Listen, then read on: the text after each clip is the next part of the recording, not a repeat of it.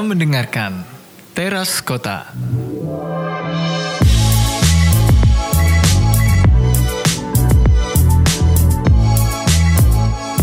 Hai listener, halo halo halo. Uh, ketemu lagi dengan dengan siapa saya? Siapakah saya? Uh, kita akan berbicara mengenai apa ya hari ini mengenai perencanaan. Jadi dibaca. uh, mohon maaf pak, saya mau opening dulu. Iya baiklah. Uh, silakan pak. Enggak balik lagi di teras kota soalnya. Oh iya, teras kota. Oh ya kan, lu sih malum ya, listener kalau misalnya tiba-tiba program siaran gue itu dibajak sama Oh, orang program yang siaran. baru magang gitu ya kan.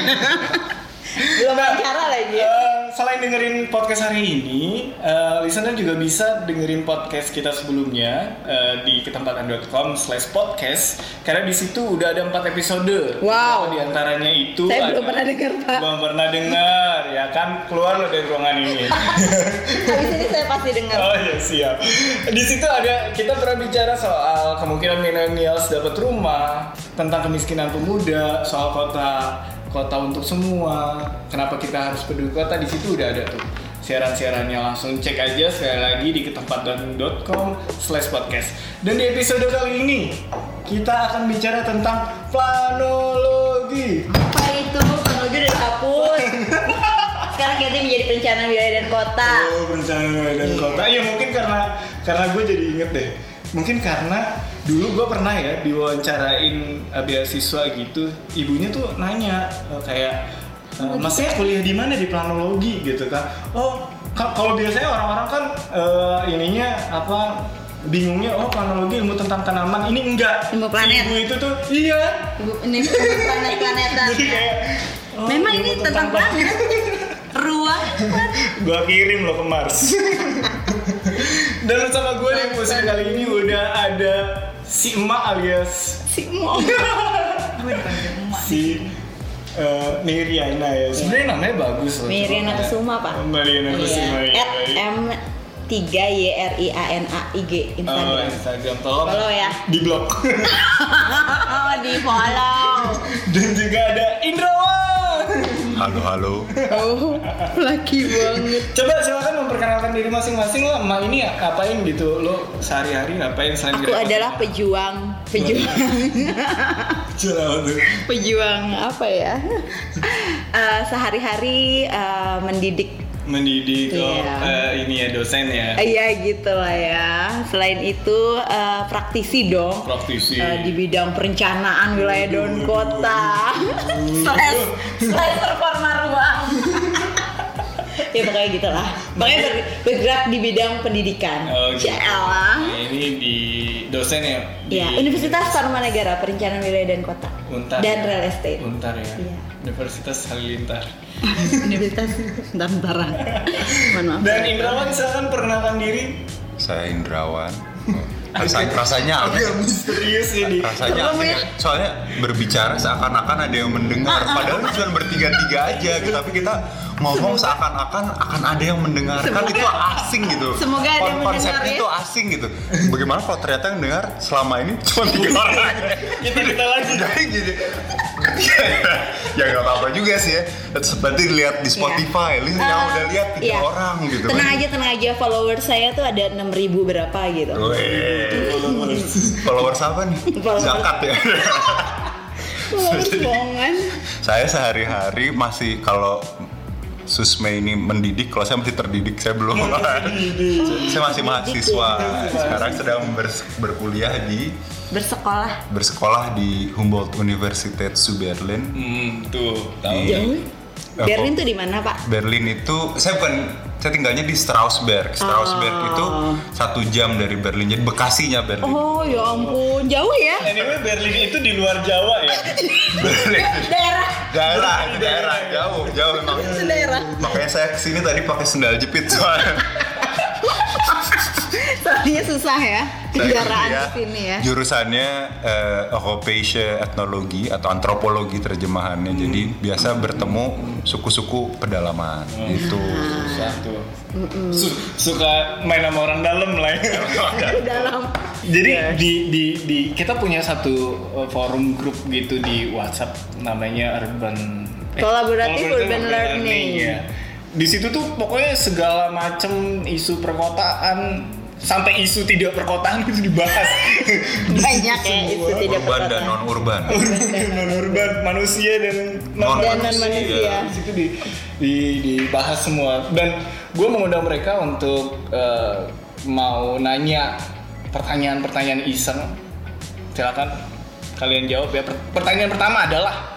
Jeng jeng pertanyaan pertama adalah lo sebagai orang-orang kalian berdua gitu sebagai orang-orang yang familiar dengan isu-isu perkotaan sebenarnya seberapa penting sih kota kita itu ditata hmm. Hmm, Ma, ditata, lu dulu sebagai pendidik. ditata atau direncanakan? Ditata, direncanakan. Karena Bedanya di- apa? Beda dong. Ditata itu berarti pelaksanaan daripada direncanakan. Hmm, kalau kalau kalau gue sih Kalau menurut lo gimana? Nggak kalau ini di tertib berbahasa dulu ya. Oh iya tertib. Oh iya iya iya. Gue lagi belajar tertib berbahasa. Konon katanya. tertib aja kerjaannya ya Kalau kalau kalau rencana itu kan sesuatu yang terjadi sebelum aksi. Biasanya orang membayangkannya Ah, gitu ya. Sesuatu yang terjadi sebelum padahal bisa jadi setelah jadi. Eh, Ada baru direncanakan. Ah, baik udah udah lahir anaknya ah nggak direncanakan, tapi anaknya lahir gitu kan. Gimana coba?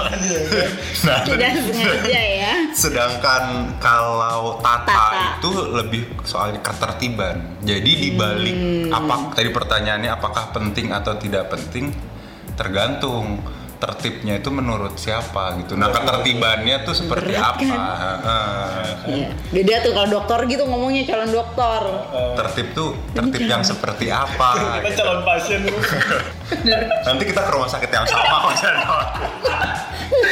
nah justru pertanyaannya oke artinya gue jadi nggak bisa menyimpulkan nih sebenarnya kota ini penting untuk ditata atau enggak karena tergantung kan gue masuk pertanyaan kedua deh kalau kota itu penting untuk ditertibkan ya kan dengan Berarti ditata ya, ditertibkan Iya, tuh. ditata. Ya lebih ke ketertiban kan ada suatu penata misalnya tata eh, Kota. menata baju kan bajunya disusun berdasarkan Iya, suatu betul, ketertiban betul, tertentu gitu kan. betul. Nah kalau menata kota nah ini bedanya kalau baju kan mungkin lebih mudah ya ada yang putih, merah, hitam, gitu, Diseragamkan. seragamkan ya. Hmm. Sedangkan kota kan kita nggak eh, ada tanah kosong terus ditertibkan jadi kota. Seringnya kan jadi duluan baru Baru di- ketertibannya eh, di- baru ditata. Iya, dibayangkan belakangan. Berarti kan kalau ada penataan harusnya harusnya ya Mestinya, sudah ada rencana. Sejogjanya. sejogjanya sudah ada rencana. Karena kalau mau ditata ditatanya berdasarkan apa? Kan harus berdasarkan Hmm, rencana. kalian orang suka bingung. Tata ruang tata kota itu apa? Gitu kan.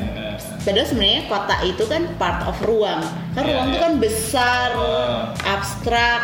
Gue menganggapnya kalau ruang tuh besar nggak ada batasan. Tapi kalau kota tuh ada batasan. Ya nggak gitu. sih ada administratifnya ada batasan administratifnya. Kalau ruang kan nggak ada ya nggak?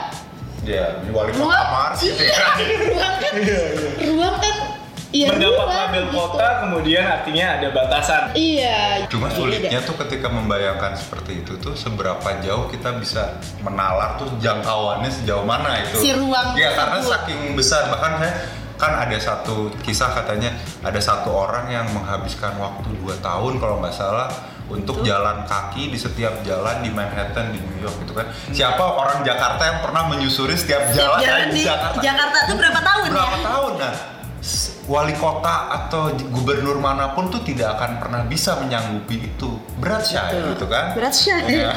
jadi, jadi seberapa jauh si perencana bisa menalar tuh jangkauannya sejauh apa? Nah. itu yang sulit.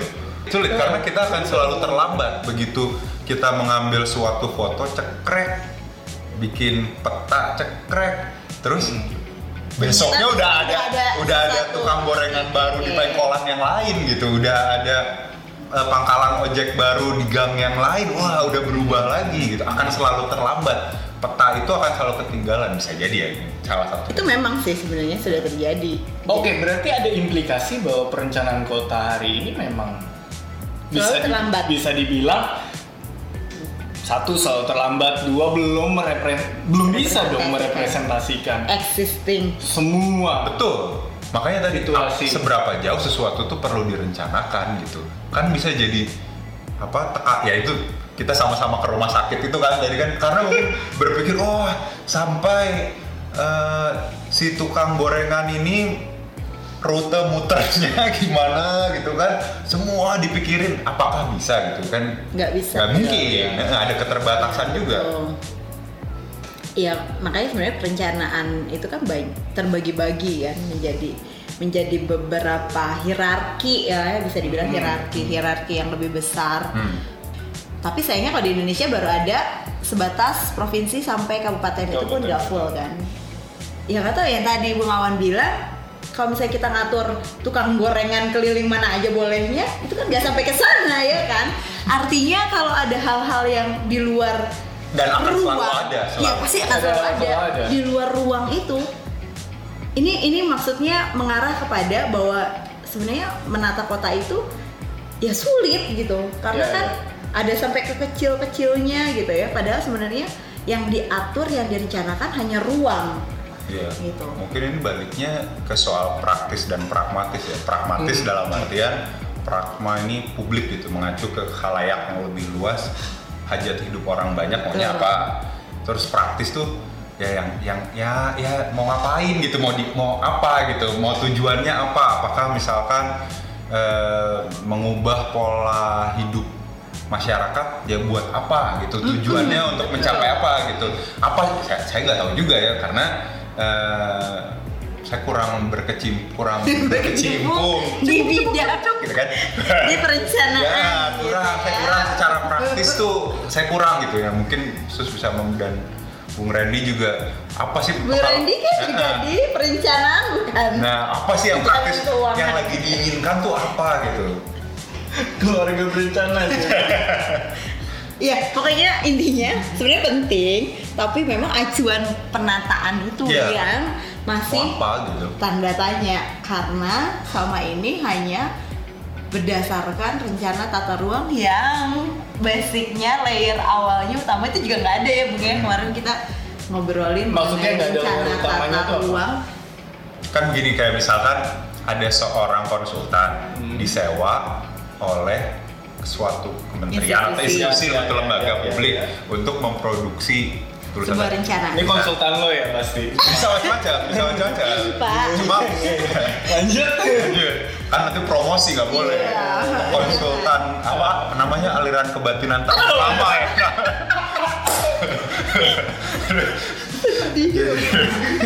jadi konsultan aliran kebatinan tak bernama ini dia misalkan disewa oleh pemerintah dia memproduksi suatu rekomendasi. Rekomendasi ini nanti menghasilkan rencana tata ruang RT tata, tata wilayah nanti jadi RDTR RKP dan seterusnya. Iya. nah yang dibuat oleh si konsultan atau pakar ini kan sebenarnya bukan rencana tapi meta rencana. Sesuatu yang di atas rencana lagi. Hmm. nah meta rencana ini patokannya apa? Nggak ada liar kan ini. Hmm, Wangsit. nah bisa jadi. Sulit loh itu. patokannya apa? Uh, mood bisa jadi. tiba-tiba sup datang ya kan pas lagi bangun tidur wah bikin ini aja Ah masa sih waktu lo jadi konsultan masa iya basisnya wangsit? Pasti kan lo mainin data dong. nah Enggak pasti kan pakai data-data apa sekunder. nah permainan data itu saya kurang tahu tuh apa yang. Kalau lu dipermainkan juga ya ngajarin kan? ke anak-anak didik lo tuh, ya kan di kampus pasti dong, ya itu kan? yang dimainkan itu tuh apa itu itu sul itu Gimana, itu hal, hal yang berbeda lagi Oh, beda kalau ngomongin data ya pasti rencana itu Pasti. memang berbasis data kan ya dunia ini kan? panggung sandiwara itu permainan di mana-mana nggak apa-apa Enggak apa-apa. rencana itu dibuat berdasarkan data eh kita cuma 30 menit loh Iya. harus harus berfaedah gitu. Ini berfaedah banget loh rencana itu harus berbasis data Uh. tapi masalahnya bu data di kita itu nggak ada sulit untuk mendapatkan data jadi kita harus meng-create data ya kan itu kalau misalnya kita ngomongin rencana sebenarnya kan bukan hanya data tapi proyeksi Bukan Kita- cuma data existing tapi iya, juga data, data proyeksi. proyeksi. Tapi kan sebenarnya data proyeksi itu harus ada data existing supaya kita bisa melakukan proyeksi. Nah itu kadang-kala kita kesulitan untuk mendapatkan data sehingga kita mm, mungkin hampir 50% rencana-rencana yang dibuat di Indonesia ini mohon maaf ya para perencana itu dipa eh, dilakukan atau dibuat dengan cara tanpa data Tidak berbasis bukti. tidak berbasis bukti, tidak ada evidence, sehingga tidak ada proyeksi. Sehingga yang dilakukan itu adalah bukan rencana, tapi existing. existing yang direncanakan tadi. Ya di belakangan kan lahir duluan kan anak. Anaknya. Terus kok bisa iya padahal nggak rencana gitu. Tapi ih, aneh kan ya gitu loh pokoknya intinya ya artinya Ini memang semacam pengakuan dosa ya. Iya pengakuan dosa. Eh, ayo coba coba tolong planners planners. Iya tapi sebagai planners muda kita nggak boleh kayak gitu, Oh, iya, ya kan? iya. Jadi jadi di podcast ini saya ingin menyampaikan juga kepada 6.000 followers saya. Eh, Kepada khalayak. Habis ini followers lo turun nih. 2000 kepada para perencana muda ya kan nanti suatu saat kalau bikin rencana ya harus ada basisnya itu karena kita Harus bingung juga bukti ya. basisnya basis data atau basis rencana sebelumnya Nah ini Saya evaluasi. mungkin kesulitannya adalah karena mungkin ya salah satu yang jadi kendala adalah karena perencanaan di Indonesia itu mashabnya gitu ya Mashabnya. Masih terlalu Elit. me- me- me- me- menyembah-nyembah mendewa-dewakan yang kuantitatif gitu jadi betul. sebanyak-banyaknya angka survei gitu ya padahal belum tentu sahih gitu Betul. Memang nggak ada yang sahih, Bu. Makanya. Tidak ada yang valid dan tidak ada Padahal yang sahih. bisa jadi misalkan tadi sebelum ini kita eh, apa perbincangan di balik layar gitu ya seseorang ditaruh di suatu desa selama tiga tahun padahal satu orang aja Hmm. itu bisa cukup lebih menggambarkan kompleksitas perencanaan di suatu tempat gitu Betul. cuma sayangnya nggak tahu ini penga- pengamatan saya yang terbatas di Nusantara ini masih terlalu mendewakan mashab kuantitatif ini. Betul, itu Iya, setuju iya. sih. Jadi memang kualitatifnya tuh nggak ada. Karena misalnya melakukan perencanaan di daerah ya, daerah di luar Pulau Jawa, yang datanya sama sekali nggak ada. Kemudian permasalahannya tidak tergambarkan dengan jelas. Tapi kita punya ada yang namanya eh, acuan rencana. Iya. Jadi menggunakan acuan rencana aja sebagai pembuatan rencana tanpa memasukkan data-data valid, data-data sahih tadi sama isu-isu yang isu-isu permasalahan yang ada di lapangan. Nah itu sayang banget satu karena sebagian besar nilai nilai proyek perencanaan itu eh, relatif kecil sehingga nggak ada dana. Ini ini ini another problem Ya, ya, lagi ya dari perencanaan.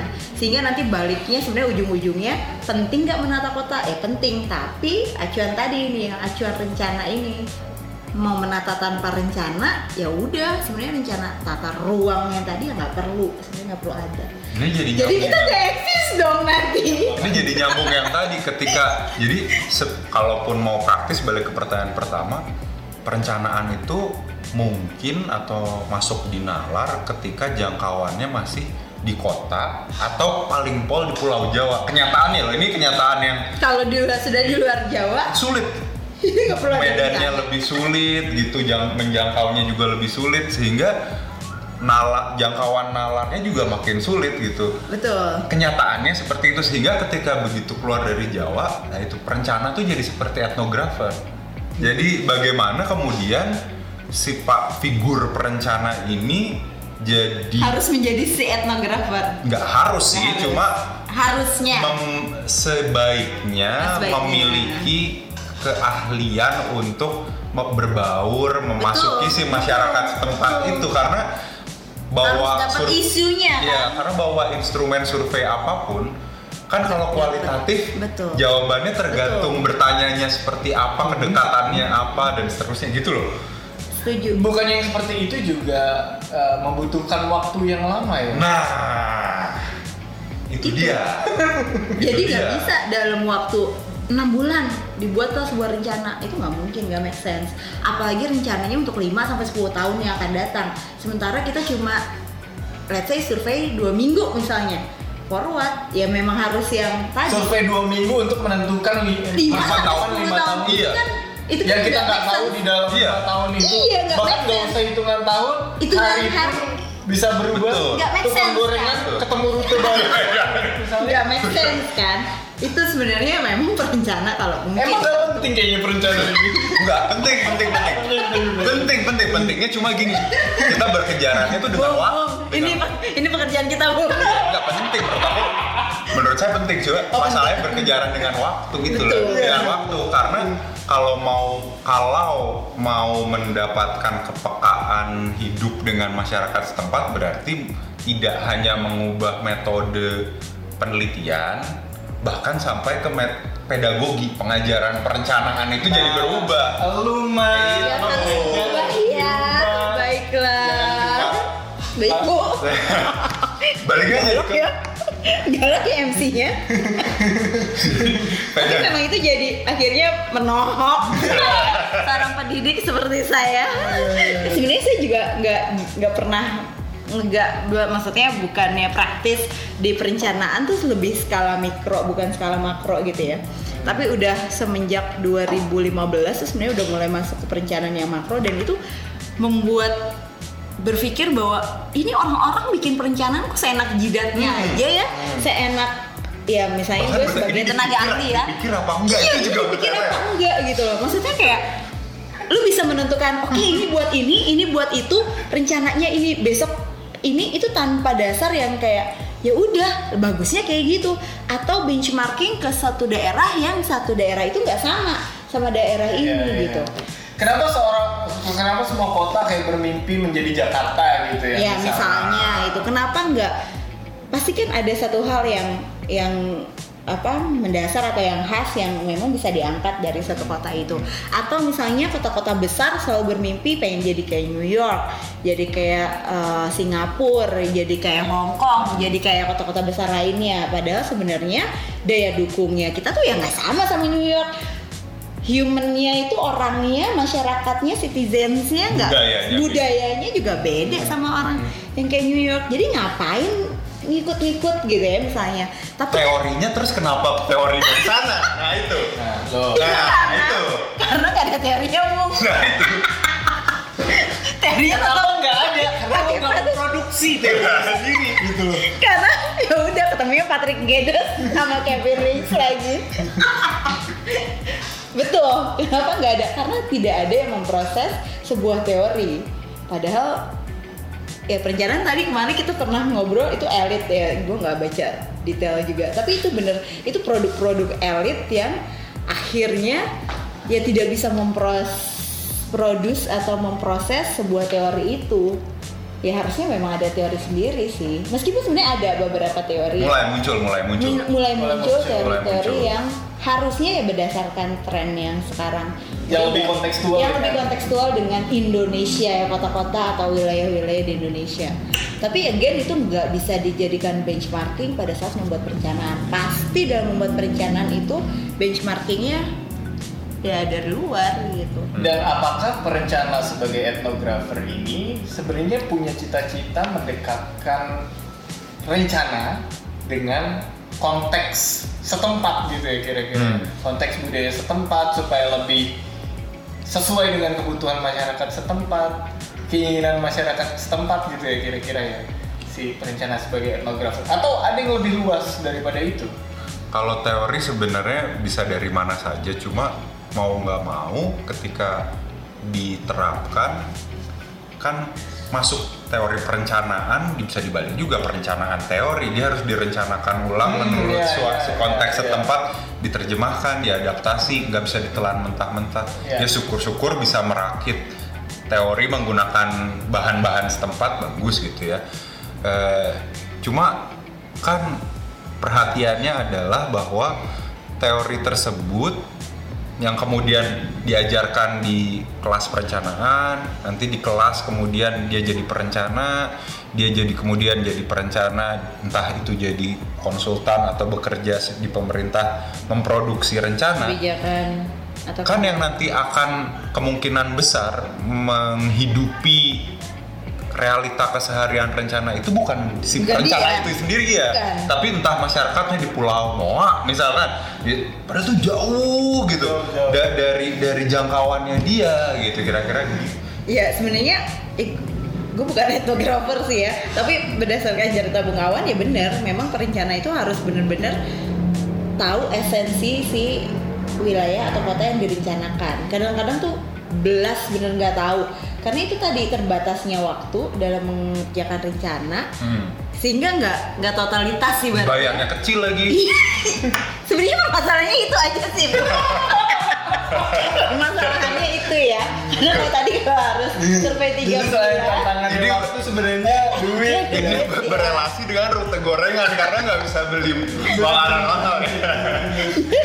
Kalau itu kayak mudah direncanakan Bu.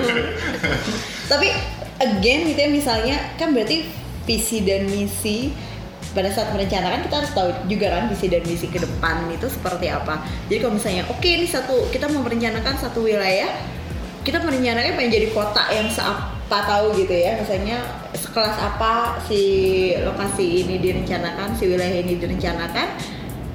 Itu kadang-kadang nggak terjadi dari si perencana. Hmm. Tapi itu Iya. bisa jadi titipan Iya. Hmm. eh udah ya nanti si misalnya tadi eh, apa namanya di Jambi gitu udah ya titipan Jambi harus jadi kayak gini gitu.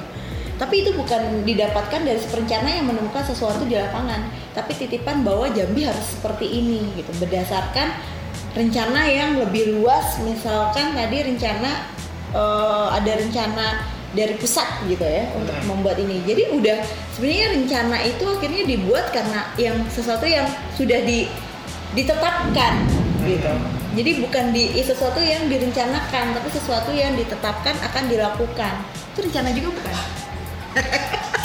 bingung kan? Rencana juga sih, cuma Rencana juga. titipan tadi. iya, iya jadi rencana basisnya mau wangsit, titipan, Nah. atau berbasis masyarakat. Balik lagi ya itu Iya. beda lagi. Atau suara suara apa lidah gitu ya kayak Bung Karno ya. iya Iya. penyambung lidah rakyat Nyambung lidah rakyat. Wah ini beda lagi. Lidah netizen.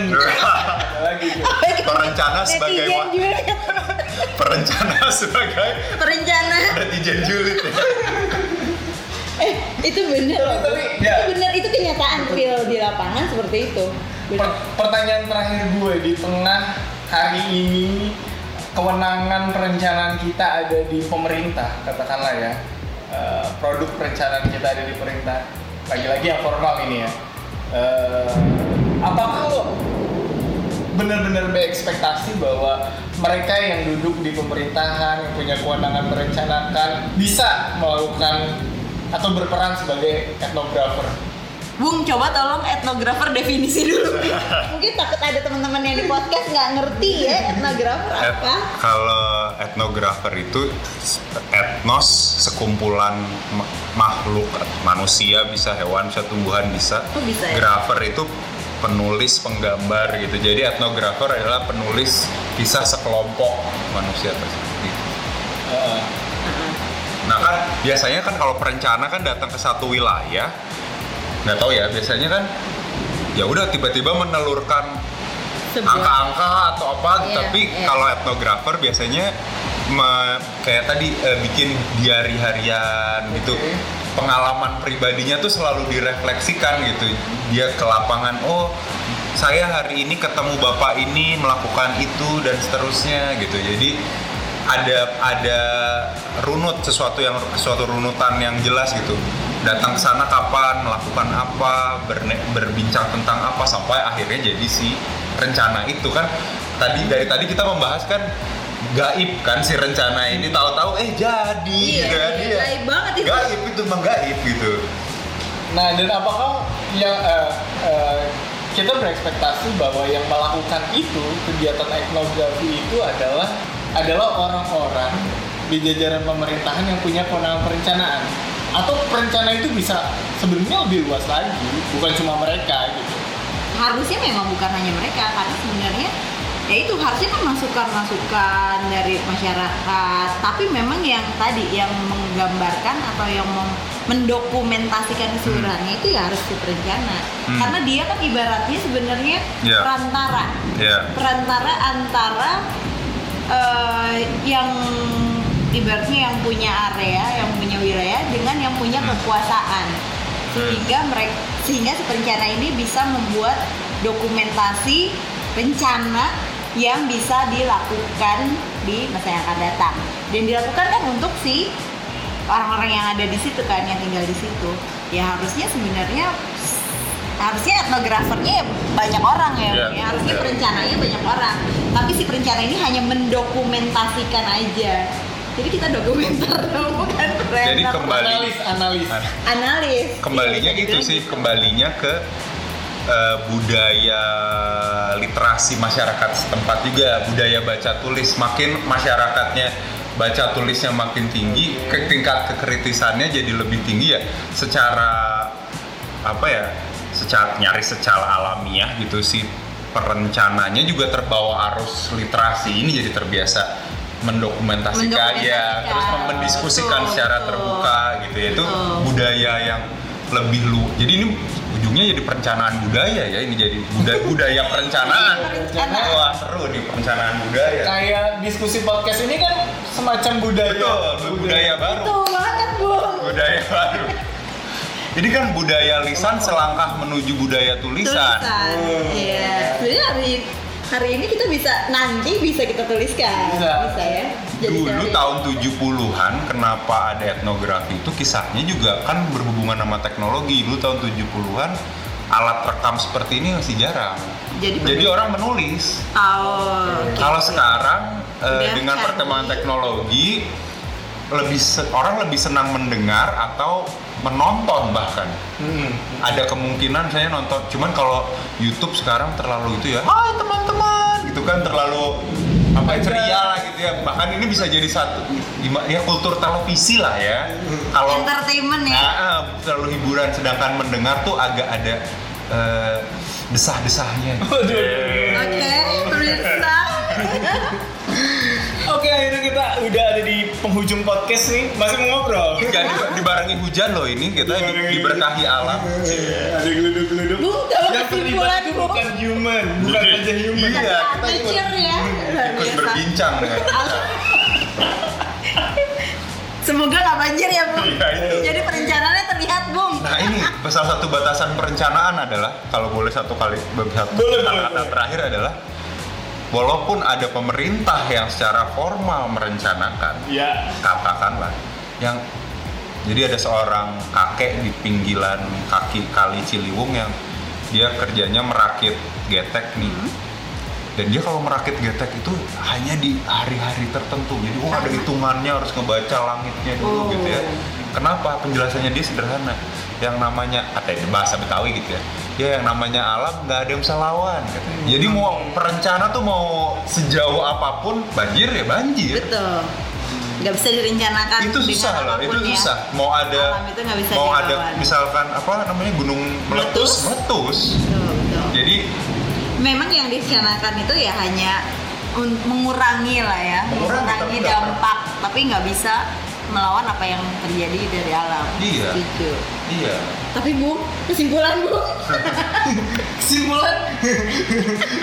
apakah kita kesimpulan harus kesimpulan apa kita harus pindah profesi ya bu apakah kita harus selalu menyimpulkan Tampaknya tidak ada kesimpulan pada episode kita podcast hanya kali ini. rekomendasi gitu ya. aja langsung Yang yang jelas tiap-tiap orang adalah perencana dan tiap-tiap Betul. perencana sebaiknya menjadi etnografer. betul Ya kan? Yang mendalam peka terhadap konteks Konteks setempat, setempat. karena ini yang bisa dan bisa mendokumentasikan bu itu Iya. paling penting Iya, iya, iya. karena kan kita ada suka melihat hashtag melawan lupa kan Waduh, waduh. jadi belajar melawan lupa itu belajar mengingat Iya. salah satu hashtag belajar mengingat kalau gitu. iya Kita bikin hashtag dengan itu ya. Belajar Belajar mengingat, belajar ya. mengingat Akhir kata.